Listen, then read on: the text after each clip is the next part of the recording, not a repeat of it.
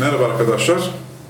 Kitap inceleme videolarımızın ilkine hoş geldiniz. Malum artık biliyorsunuz ana konumuz e, bu tür videolarda manevi yükselişimizi nasıl gerçekleştiririz?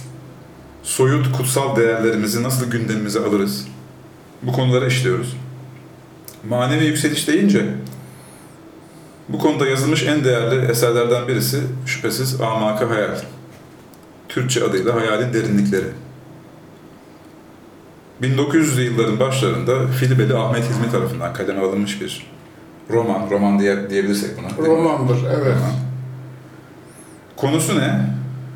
İnsanın kısa süreli dünya hayatında sonsuzluğu, sonsuz mutluluğu nasıl yakalayabileceği, manen nasıl yükselebileceği üzerine sembolik hikayelerle, doğru mu söylüyorum? Evet.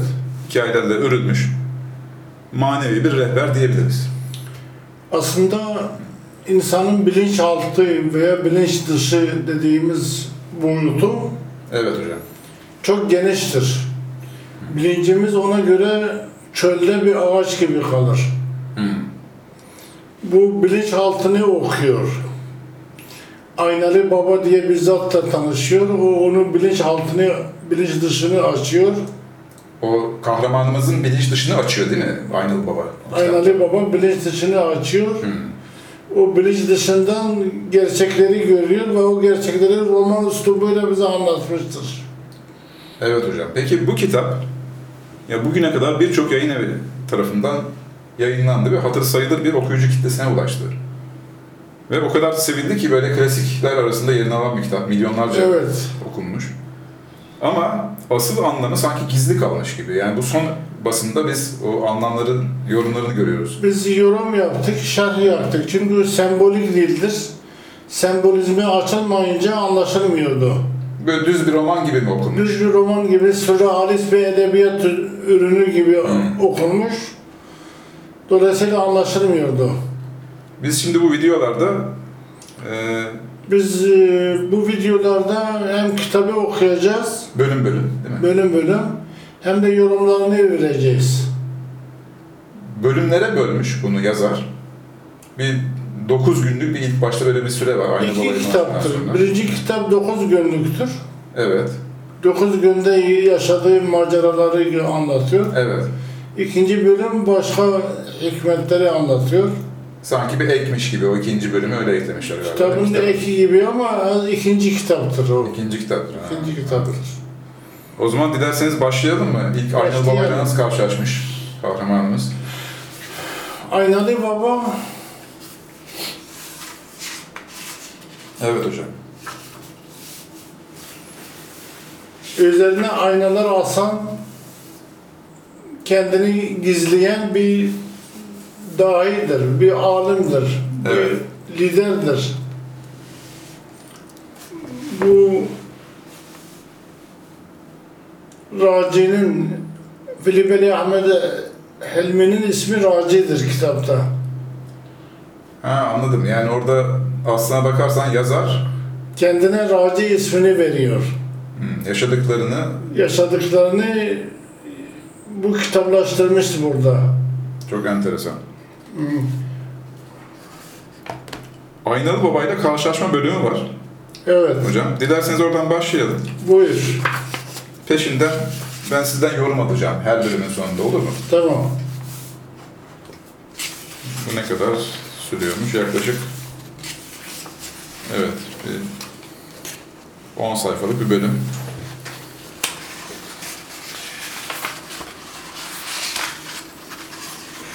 Aynalı Baba ile karşılaşma.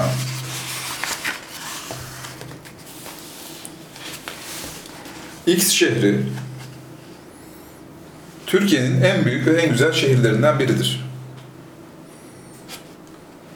Raci söylüyor bunu. Evet. Ben bir süredir bu şehirde, şehrin ortasında bulunan bir mahallede oturuyordum. Hükümet konağıyla evim arasındaki yollarda dikkati çeken pek çok şey vardı. Eski evler. Her biri birer azap ve sefalet yuvası olan nice viraneler. Geçilmez sokaklar, pis caddeler vesaire. Lakin insanı gerçekten ilgilendiren evime yakın bulunan eski bir mezarlıktı. Bu mezarlığın etrafı pek sağlam ve sanatkarane yapılmış duvarlarla çevrilmişti.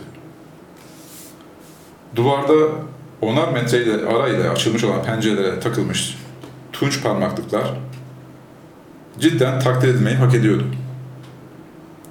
Mezarlığın kapısı sonradan takılmış bir e, tahta parçasından ibaretti. Eski kapısının zamanın yıpratmasına karşı koyamayarak mahvolduğu anlaşılıyordu. Bu mezarlık yalnız birçok hatıraların ve cesetlerin gömüldüğü yer değil, birçok enfes eser, eserlerin de mahzeniydi. Pencerelerden görüldüğüne göre orada mezar taşlarında eski hattatlarımızın mucizekar kaleminden çıkmış nice yazılar vardı. Bu yazıların şiir ve edebiyat açısından da önemli olduklarına hükmedilebilirdi. Taşların tepesindeki kavuklar, külahlar, taçlar, tarihi bakış açısıyla bakıldığında incelenmeye değerdi.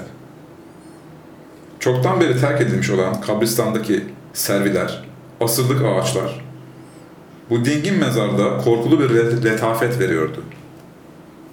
Korkulu letafet nedir hocam? Letafet, hoşluk, korkulu, korkuyla karışık bir hoşluk veriyor. Yani bir yandan çekiniyor, bir yandan böyle bir hoş, yandan hoşluk hoşluk veriyor.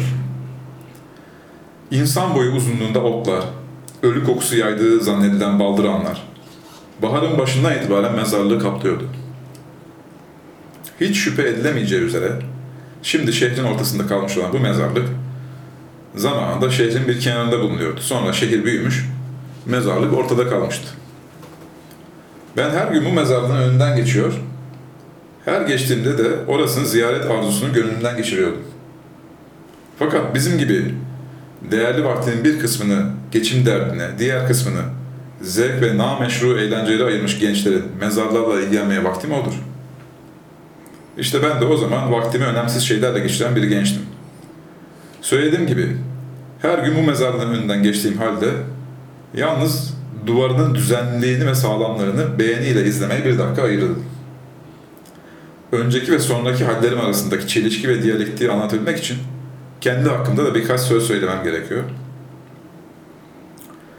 Dindar ve pek iyi bir validenin itinali eğitimiyle geçen çocukluğum, bende sökülmez bir din duygusu ve yıkılmaz bir ahlak ilkesi bırakmıştı. İyi eğitim almış. Evet. Galatasaray Lisesi mezunu. Öyle mi? Sonra mükemmel bir tahsil gördüm. Olağanüstü zeki olduğumdan güncel bilgilerde arkadaşlarımdan üstün durumdaydım. Gençlerimizin çoğunun yaptığı gibi okuldan çıkar çıkmaz kitapları unutma köşesine atmak yerine bilgilerimi genişletmeye okuldan sonra başladım. Az çok fikir sahibi olmadığım hemen hiçbir şey kalmadı. Özellikle akranlarım gibi dini ilimlerden uzak durmayarak hem maddi ilimlerde hem de manevi ilimlerde epey birikim sahibi oldum. İşte bu bilgi yığınının altında bir gün vicdanımı tahlil ettiğimde hayretle garip bir karışım kesildiğimi fark ettim. Ben inançsızlıkla imandan, kabul ile inkardan, tasdik ile kuşkudan birleşik bir şey olmuştu. Kalben inkar ettiğimi aklen tasdik eder, aklen reddettiğimi kalben kabul ederdim. Sonuç olarak kuşku denilen rahatsız edici ejderha benimi ve bedenimi sarmıştı. Sorgulamalar başlamış değil mi hocam? Evet. Gençliğimizin ızdıraplarını anlatıyor. Bu asırda, 20. asırda gençlerimizin içine düştüğü çelişkileri anlatıyor. Çok evet çelişki var doğru söylüyorsunuz. Bir fikri ne kadar güçlü esaslarla sağlamlaştırsam kuşku ejderhası bir sarsışta onu yıkıyordu.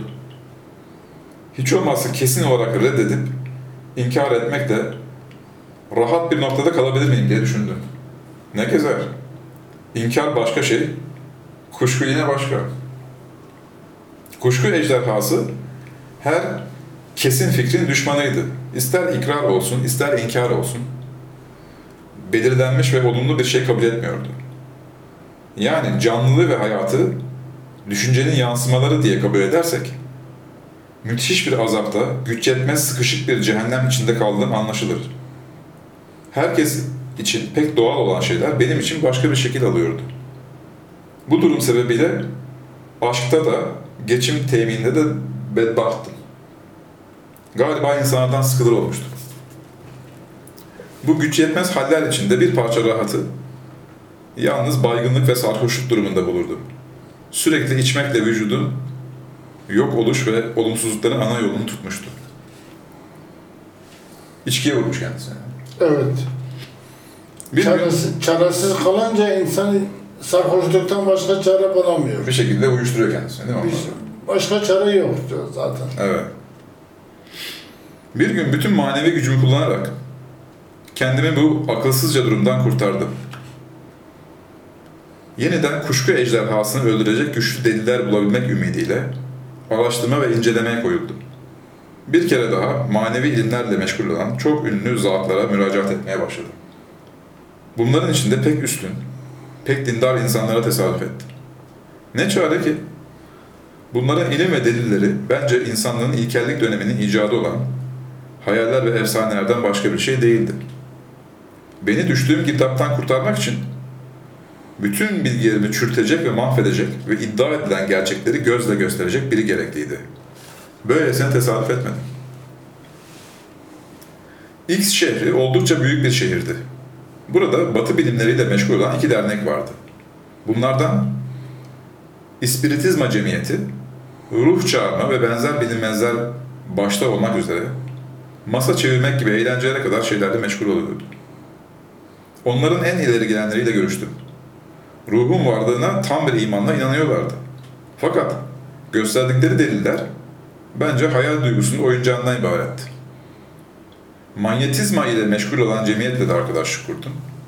Fakat bunlardan ne çıkardı? Hiç. İnsan hayat denilen güce sahip oldukça bir takım acayip güçlere sahip olmaz. İşte o kadar. Ama bu güçlerin bir kısmı gizli kalmış. Bence bunun bir önemi yoktu. Ben bundan öte başka şeyler arıyordum. Dört sene devam eden bu ikinci koşuşturmalı çalışma hayatında da hiçbir şey kazanamamakla beraber her yeni öğrendiklerim kuşku ejderhasına gıda olduğundan bir kere daha aşağı yuvarlandı. Bu kez en aşağıya düşmüştüm. Bayağı çaresiz kalmış. mi? Çaresiz beynimin içi daimi bir savaş meydanıydı.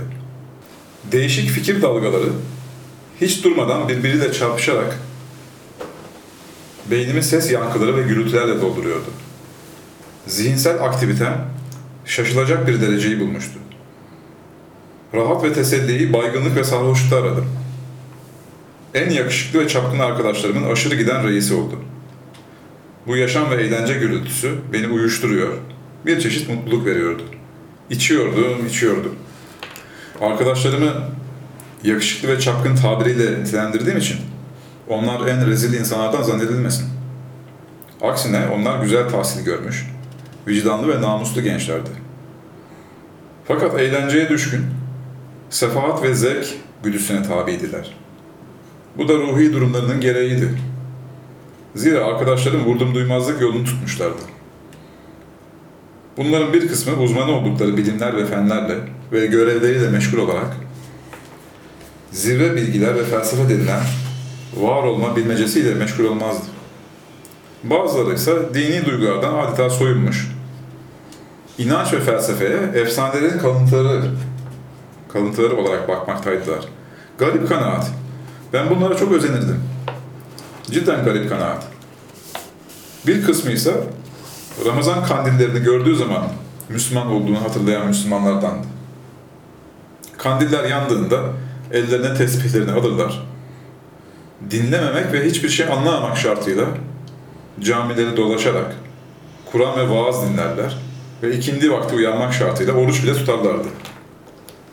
Oruç tuttuğu halde namaz kılmaya lüzum görmeyenler de vardı.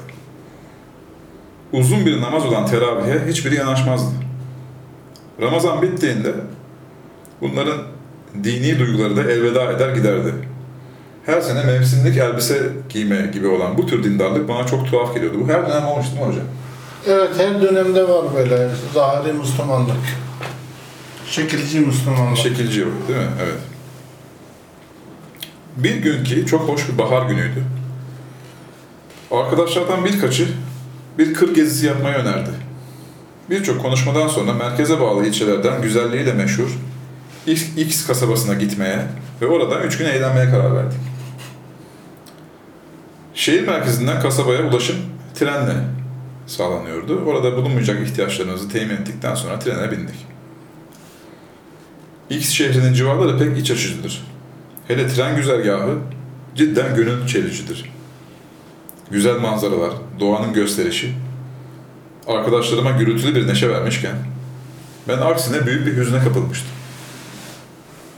Kalıcılık ve süreklilik olmadıktan sonra bu harika güzellikler ne işe yarar? Bu kadar güzelliğin şahit ve müşterisi insan. Hem de insanların belki binde biriyken insanda daimilik var mı? Güzel sorular. Yer küre dediğimiz bu geçici meskeni derin bir hüzne kapılmayarak seyretmek acaba mümkün mü? Nereden geldik? Nereye gidiyoruz? Sade bir inancın pek güzel cevap verdiği bu sorulara akıl ve fen cevap veremiyordu. Bir kere daha tabiata baktım. Bu defaki bakışımda güzellikler kayboldu. Işık söndü, her tarafı karanlık kapladı. Hakikat sanki bütün dehşetiyle gözlerime göründü. İnsan gözünü okşayan çimenlerdeki yeşillikler ancak bir ışık oyunu. Mini mini kuşların cıvıltısı yalnızca hava titreşimi. Alemleri kaplayan bu ışık sadece atom altı parçacıkların dalgalanmaları. Sonuçta hepsi bir zorunluluğa, bir emre, kanuna esir. Sanki karşımda Buddha Gotama Shakyamuni belirdi. Hazin tebessümü, sararmış çehresiyle hiç, hiç, hiç diyordu. Fazlasıyla dalgın kaldığımı fark eden bir arkadaş, yine neyin var dedi. Hiç dedim. Bu hiç, yalnız içinde bulunduğum durumu bildirmek için söylenmemişti. Ağzımdan çıkan bu hiç sözü, somut varlığın en temel niteliğiydi. Suskun ve hüzünlü halimden usanan arkadaşlarım itiraz etmeye başladılar. Gerçekten de meseleye giden bir adamın cenaze alayında bulunanlara mahsus kasvetli bir çehre göstermesi çekilir şeylerden değildir. Özellikle kasvet neşeden daha fazla bulaşıcıdır. Arkadaşlardan biri ilacı unuttuk dedi ve şahsıma has külah biçimli iri kadehi doldurdu. Bu kadeh beş kere dolup boşaldıktan sonra benden neşeli kimse olamazdı. Seyahatimiz tam bir coşkuyla tamamlandı. İkindi vakti X kasabasına ulaştık. Bu kasaba gördüğüm yerlerin en güzelidir. Bu mini mini memleketten o kadar haz etmişimdir ki elimden gelse yaşamak için orayı seçerdim. Kasabanın evleri birbirinden oldukça uzak ve her biri 3-5 dönüm büyüklüğünde bahçelerin içindedir. Her evin bahçesinde birçok ırmaklar akar. Hatta bazı sokaklarında bile büyüyecek ırmaklar akmaktadır. Bahçeli meyve ağaçlarıyla doludur. Bu kasabada pek çok gül yetişir. Mevsiminde bülbülleri pek çoktur. Sonuç olarak X kasabası kremezin cennetlerinden biridir. Kasabaya vardığımızda daha önce de birkaç kere misafir olduğumuz bir dostumuz tarafından karşılandık. O geceyi dostumuzun hanesinde geçirerek ertesi gün erkenden Subaşı denilen mevkiye gittik. Birçok yerlerden kaynayarak tabii bir havuzda biriktikten sonra birçok kollara ayrılarak akan suların, suların şırıltısı latif bir ahenk gibi kulağı okşamaktaydı. En güzel mevkiyi seçtik. Fakat o mevkide bizden evvel gelmiş iki kişi vardı. Bu iki kişiyi gördüğümüzde her birimizin ağzımızdan çıkan sözler bunların kim olduğunu anlatır. İşte o sözler. Herkes bir yorum yapmıştı. İki serseri, iki dilenci, iki sarhoş, iki derviş. Gerçekten de pejmurde kıyafetli bu iki adam muhtemelen bu sıfatların hepsine sahiptiler. Biz de oturduk. Pejmürdeler bize zerre kadar ehemmiyet vermediler. Birbirleriyle konuşuyorlardı. Güya biz hayal etmişiz gibi. Bu iki devlet de bize hiç dikkat etmediler. Hatta arkadaşlardan birinin e, Esselamu Aleyküm bile havaya gitti. Arkadaşlardan her biri birer işle meşgul olmaya başladı. Kimi yemek pişirmekle, kimisi meze tedarikiyle meşgul oldu. Ben de hasıra sarılan içki şişesinin başına geçerek beynimi uyuşturmaya karar verdim. Tesadüfen pejmürdelerin yanına düşmüştüm. Bunlar konuşuyorlardı, ben de dinliyordum. 50 yaşlarında görünen söylüyor, daha genç olanı dinliyor, bazen soruyordu. Bunların konuşmalarından ilk önce deli olduklarına hükmetti. Hakikaten deliydiler. Lakin delilerin meczup denilen türünden.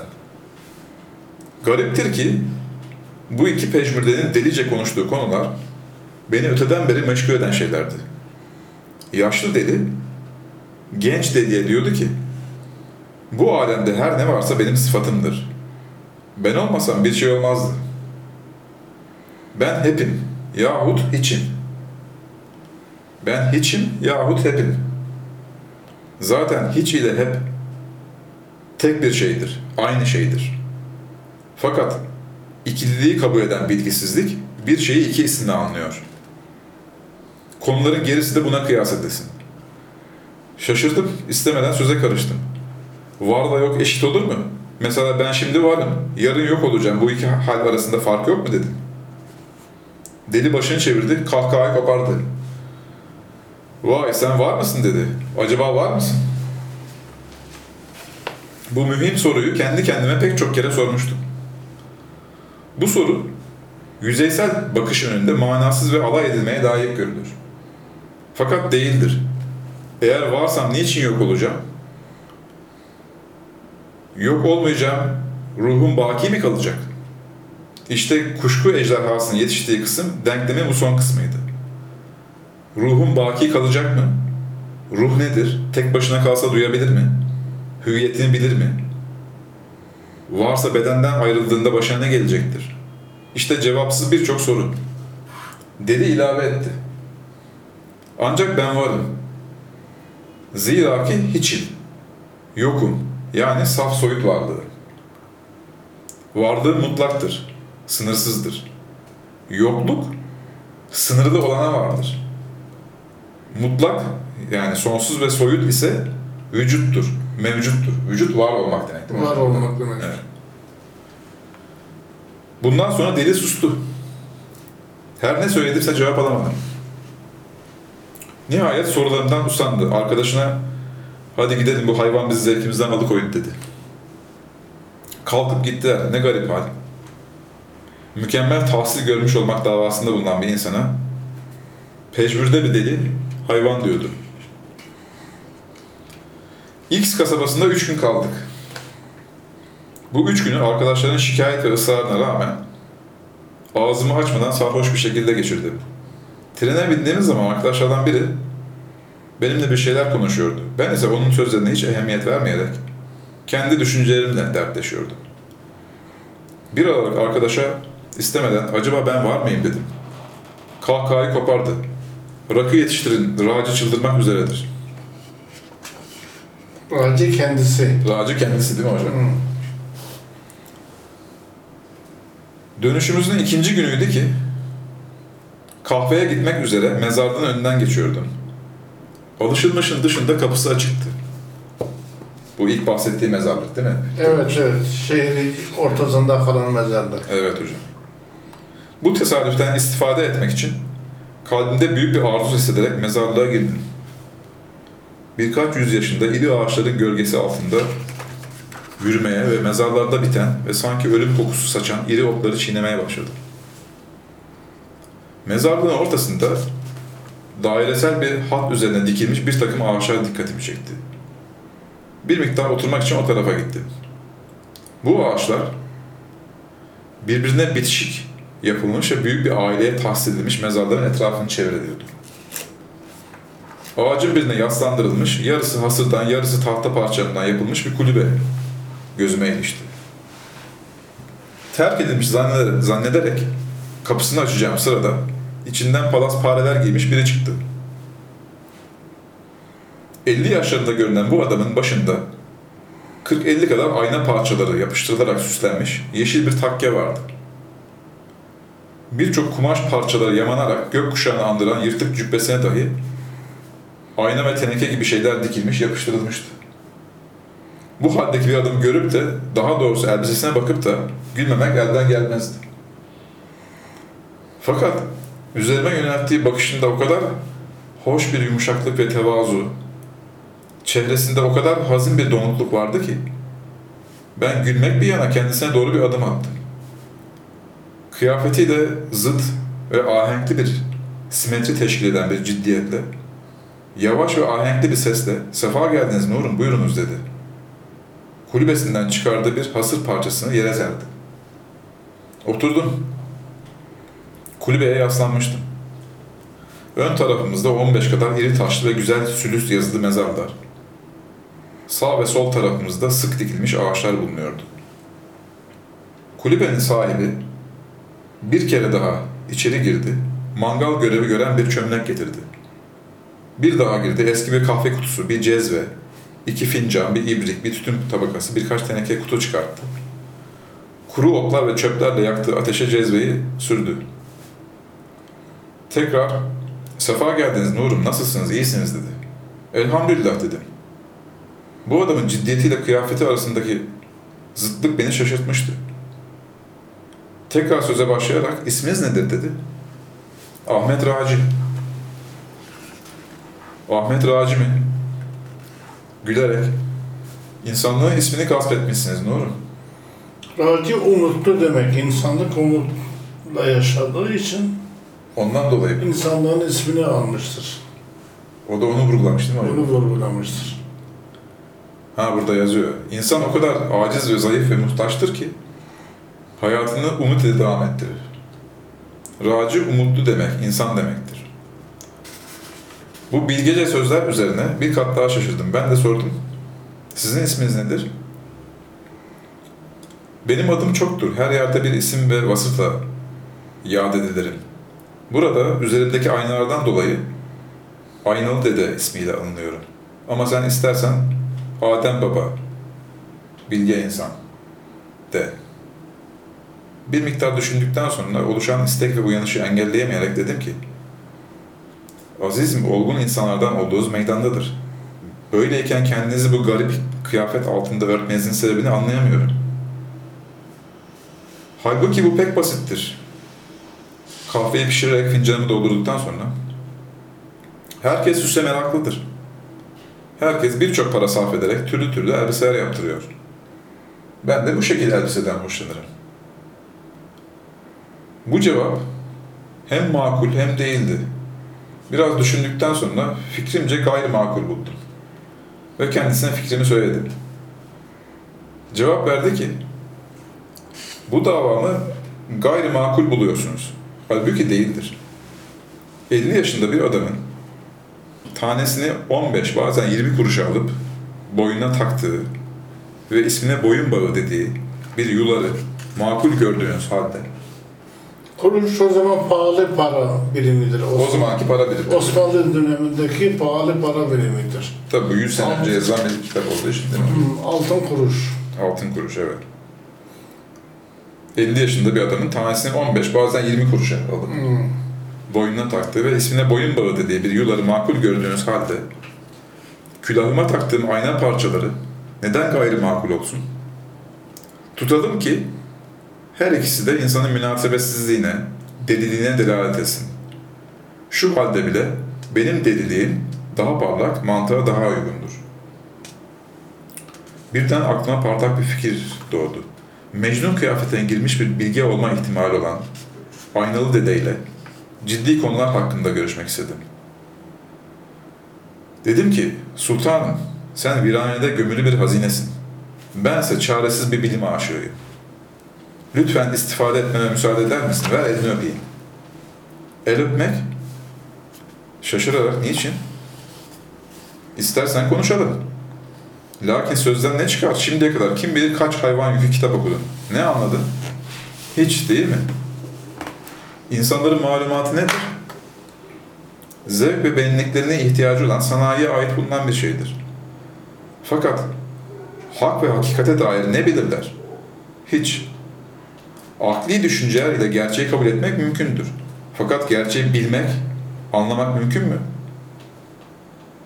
Ne konuşalım? Harfleri bir araya getirmekte öz ve gizli mana boyutu bilinir mi?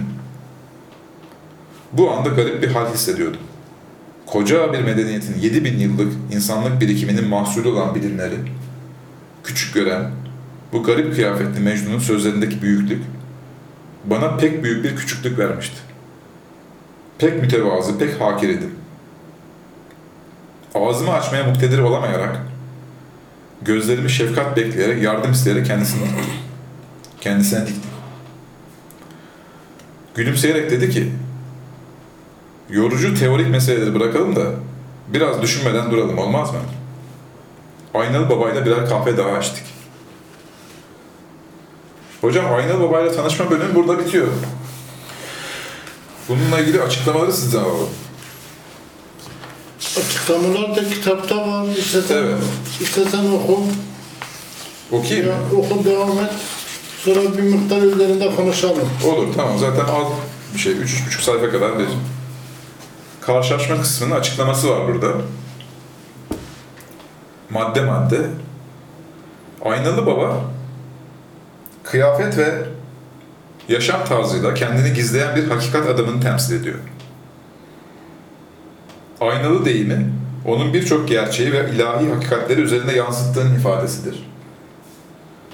Böylelerin, böylelerin maddi manevi birçok yeteneği olduğundan ve her makamda farklı göründüklerinden Aynalı Baba benim birçok ismim var diyor. Ve dikkatleri Cenab-ı Hakk'ın sayısız olan isimlerine çeviriyor. Fakat böyle manevi insanlar sorumlu olmadıkça kendilerini daima gizlemişler. Girişte hemen başta mezar tasvirlerinden başlaması, ölümün geleneğin en yüce bir gerçeklik olduğunu anlatmak içindir. Evet eski mezarlar, ebedilik ve ruhanilik ifadesi olarak okunmasa da, sanat ve kadim eserler olarak yine de saygıya layıktırlar. Dünyayı ve hayatı anlamak için bir vasıta olarak okunmalıdırlar. Metinde hakikati anlamanın zevkine varmak için iyi bir ana şefkati ve o ilk öğretmenden duygu diliyle dahi olsa birçok güzel huyları edinmenin gerekliliği vurgulanıyor. Bunun için iki temel kavram kullanılmıştır. Hissi dini, inanç ve bilinç gibi gerçeklerin kalp ve duyu bazında yerleşmesinin gerektiğine işarettir. Düsturu ahlaki deyimi de insanın bilinçli bir şekilde ilkelerle kendisini gerçekleştirmesine bakar. İlke gerekiyor değil mi hocam? Evet. İlkesiz insan işe yaramaz. Sonra okul derslerinden doğru bilgiler edinmek de gerçeği görmenin bir aracıdır. Bu okul devresinde ya her şeyi, bütün varlık ve hayatın manasız ve gerçek dışı absürt olarak görmek, halkın tabiriyle her şeyi hiçe indirmek veya aynalını kullandığı manada soyut ve sonsuzluğun ifadesi olan hiçi anlamakla olur. Ve bu giriş bölümü en sonunda sıkıntılı bir hal içinde dahi olsa varlığı, somut ve soyutu, kelimeler ve gerçek manalarını anlamakla ancak hakikat ve yüksek konular anlaşılır diye bize hatırlatıyor. Evet bu kitap baştan sona varlığın ve onun bir yansıması olan olaylar zincirinin yorumu ve tanınması üzerine üzerinde duruyor. Bu girişin en önemli bir vurgusu da biyoenerji, ispiritizma ve manyetizma gibi bir kısım güçlerin ruh, maneviyat ve hakikatin ifadesi demek olmadığının anlaşılmasıdır. İspiritizma, ruhçuluk ve ruh çağırmak demektir. Manyetizma ise biyoenerji ile karşı tarafı etkilemek, bayıltmak ve ikna etmek manasındadır. Diğer bir vurgu da bu asır insanının hızlı değişim ve materyalizm tasallutundan dolayı insanlığın 12 bin yıllık medeniyet, inanç ve geleneklerini hurafe ve gerçek dışı olarak görmesidir. Bu durum gerçekten büyük bir yanılgıdır. Metinde bu durum 4 sene devam etti ifadesi, 4 yıllık yüksek öğrenim dönemindeki bunalıma baktığı gibi 4 sayısının da materyalizmin sembolü olduğunu hatırlatır.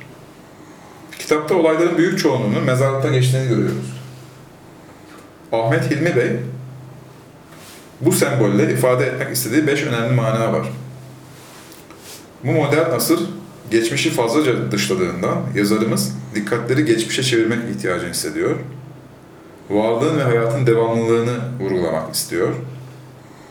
Ruha, ruha ve maneviyata, mezarlıklardaki sonsuz bilinç birikimine dikkatleri çekiyor. altıncı günde de vurguladığı gibi, altıncı günü okuyacağız. Vurguladığı gibi aslında bugünkü medeniyetin bir harabe ve yıkıntılardan ibaret olduğunu, bu canlı bedenlerimizin yürüyen cenazeler olduğunu bildiriyor. Fakat bütün bu yıkıma ve gizli ölüme rağmen sosyal hayat dediğimiz bu mezarlıkta çok güzel işler ve güzel sanatlı varlıklar da var olduğunu söylüyor. Raci, umutlu ve girişken demektir. Umut ise insanlık demektir. Yunan mitolojisinde var. Pandora'nın kutusu açılınca bütün erdemler uçtu. Tek erdem umut kaldı. Evet bu çağın hızlı değişimi insanlığın bütün değerlerini uçurdu.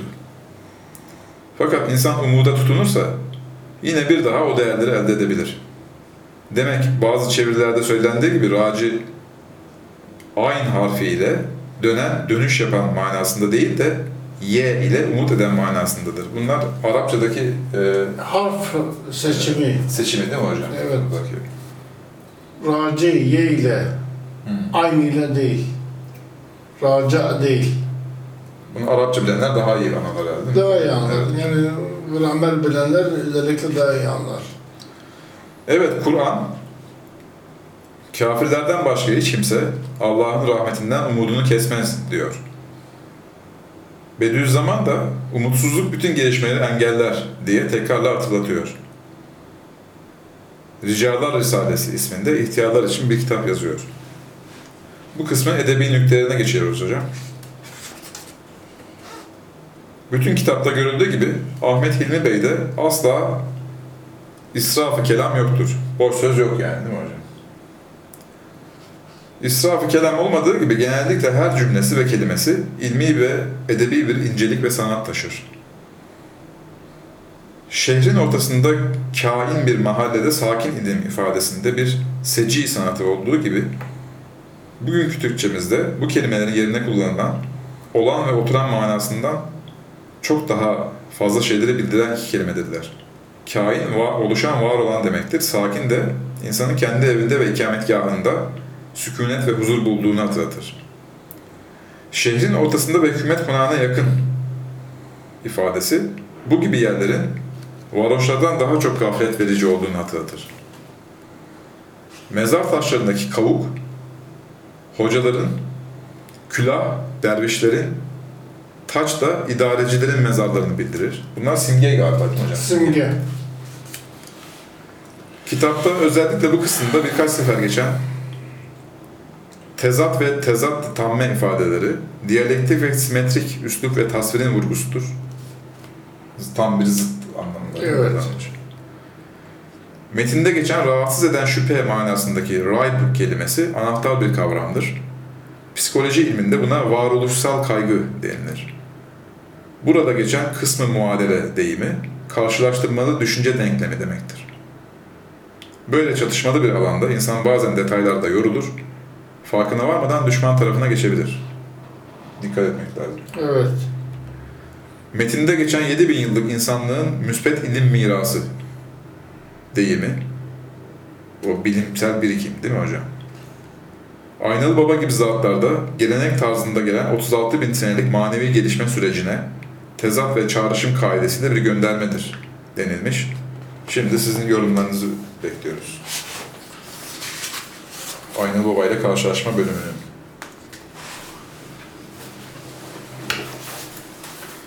İşte gençliğin ızdırabını anlatan güzel Evet. bir parçadır bu. Gençler maalesef bu asırda bir- birçok çelişki yaşıyorlar. Okulla hayat arasında, Evet. sonsuzlukla sonluluk arasında, maddeyle mana arasında birçok çelişki yaşıyorlar. Bu çelişkilerin nasıl açılacağını gösteriyor bu Filibeli Ahmet Bey burada. Çok ilginç bir kitap hocam bu yani. Bu, özellikle bu giriş bölümü Aynalı Baba ile karşılaşma e, iyi özetlemiş. Evet, gençliğin ızdıraplarını dile getiriyor. Bundan sonraki bölümde e, yaklaşık 9 günlük bir süreç işlenmiş hocam. Evet, 9 günde başına gelenleri anlatıyor. Aynalı Baba ile olan maceralarını anlatıyor. Aynalı Baba onu Evet. bilinç dışını aşayarak gerçekleri ona gösteriyor, yaşattırıyor. Her bir gün burada neye tekabül ediyor diyebiliriz. Burada. Neden 9 gün mesela? 9 insan hayatında 9 aylık ana karnı hayatı var. 90 ya- senelik yaşı var. Hmm, Bu bir süreç. Bir e, süreçtir. süreci- Manevi, manevi bir süreçtir. Hızlandırılmış bir çekimidir bu. Hmm. Yani onu minimize etmiş sanki, hızlandırılmış şekilde. Hızlandırılmış şeklidir. Bize onu gösteriyor diyorsun. Evet. Hocam yorumlar için teşekkürler. Ben teşekkür Ee, ederim. Aynalı Baba ile karşılaşma ile ilgili yorumlar için. Bundan sonraki videoda birinci günü işleyeceğiz. Aynalı Baba ile bilinç dışı seyahatler. İnşallah. Tekrar teşekkür ederim. Arkadaşlar ikinci videoda görüşmek üzere.